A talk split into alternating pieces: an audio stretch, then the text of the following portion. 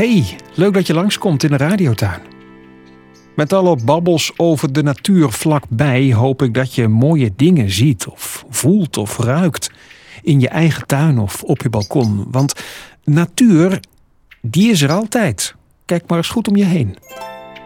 Ik ben Remco van Schellen. De radiotuin is mijn eigen stadstuintje.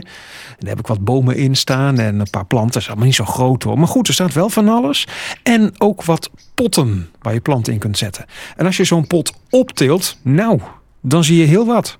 Natuurkenner Erik Milieu, goedemorgen. Goedemorgen Remco. Over welk diertje heb ik het dan? Ja, dan heb je het natuurlijk over de pissenbed. Ja, van die eh, een beetje ovale diertjes zijn dat. Met ribbeltjes op de rug en van die pootjes. En dan, hup, en dan kruipen ze gelijk weg zodra je de pot oppakt. Ja, ze vinden dat niks hè. Als ze verstoord worden, dan, uh, dan smeren ze hem gelijk.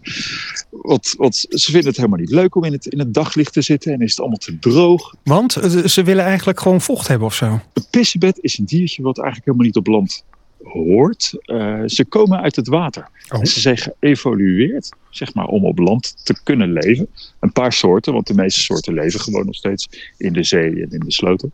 Je zou het niet verwachten. Eigenlijk zijn kreeftachtigen. Hè? En daarom hebben ze ook dat vocht nodig. Want pisbedden ademen niet zoals jij en ik met longen of uh, zoals insecten. Uh, dat, ze, dat ze zuurstof binnenhappen. En, uh, ze, hebben, ze hebben kieuwen, zoals vissen. Hm kieuwen functioneren natuurlijk alleen maar door, door water naar binnen te pompen en daar de lucht uit te zuiveren.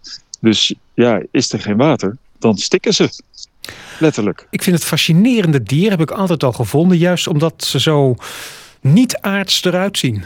Ja, ja, het zijn uh, echte oerdiertjes ook. Hè. Ze hebben dus een, een exoskelet, zoals dat heet. Net zoals een kreeft. Hè. De, het skelet zit niet van binnen, maar uh, uh, buitenom. Het zijn, het zijn ontzettend nuttige diertjes, want ze, ze, hebben eigenlijk een beetje een vergelijkbare functie als wormen. Ze, ze verteren spulletjes, zijn in de strooisellaag zijn ze bezig om alle, alle blaadjes en takjes en, en dode planten zijn ze aan het verwerken voor ons. En wat doen ze daar dan mee? Als ze dan hap, hap, hap, hap en dan? Wat gebeurt er dan? Ja, ja ze knabbelen het op en ze poepen het eruit. En dat en is dan vruchtbare dan... grond voor ons? Precies. Hebben ze ook ogen bijvoorbeeld? Zit ik me opeens af te vragen. Ja, ze hebben oogjes. Ze hebben dus twee antennes waarmee ze voelen, want ze kunnen eigenlijk niet goed zien. Logisch ook, want ze zitten natuurlijk altijd maar in, in en in holletjes en onder potten, dus daar valt eigenlijk weinig te zien. Maar ze kunnen wel degelijk uh, licht detecteren, maar het meeste doen ze natuurlijk met hun antenne. Ze hebben antennes aan voorkant, twee, die heel opvallend zijn.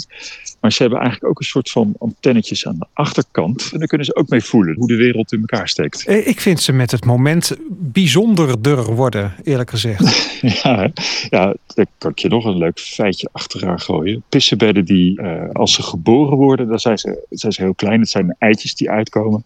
En in het water, dan, dan vliegen die eitjes alle kanten op. Alleen om uh, aan te passen op land, uh, hebben moederpissenbedden ontdekt dat het zomaar een beetje rond laten strooien van die eitjes, dat werkt niet. Dus wat ze eigenlijk doen, is ze hebben een soort eierbuideltje.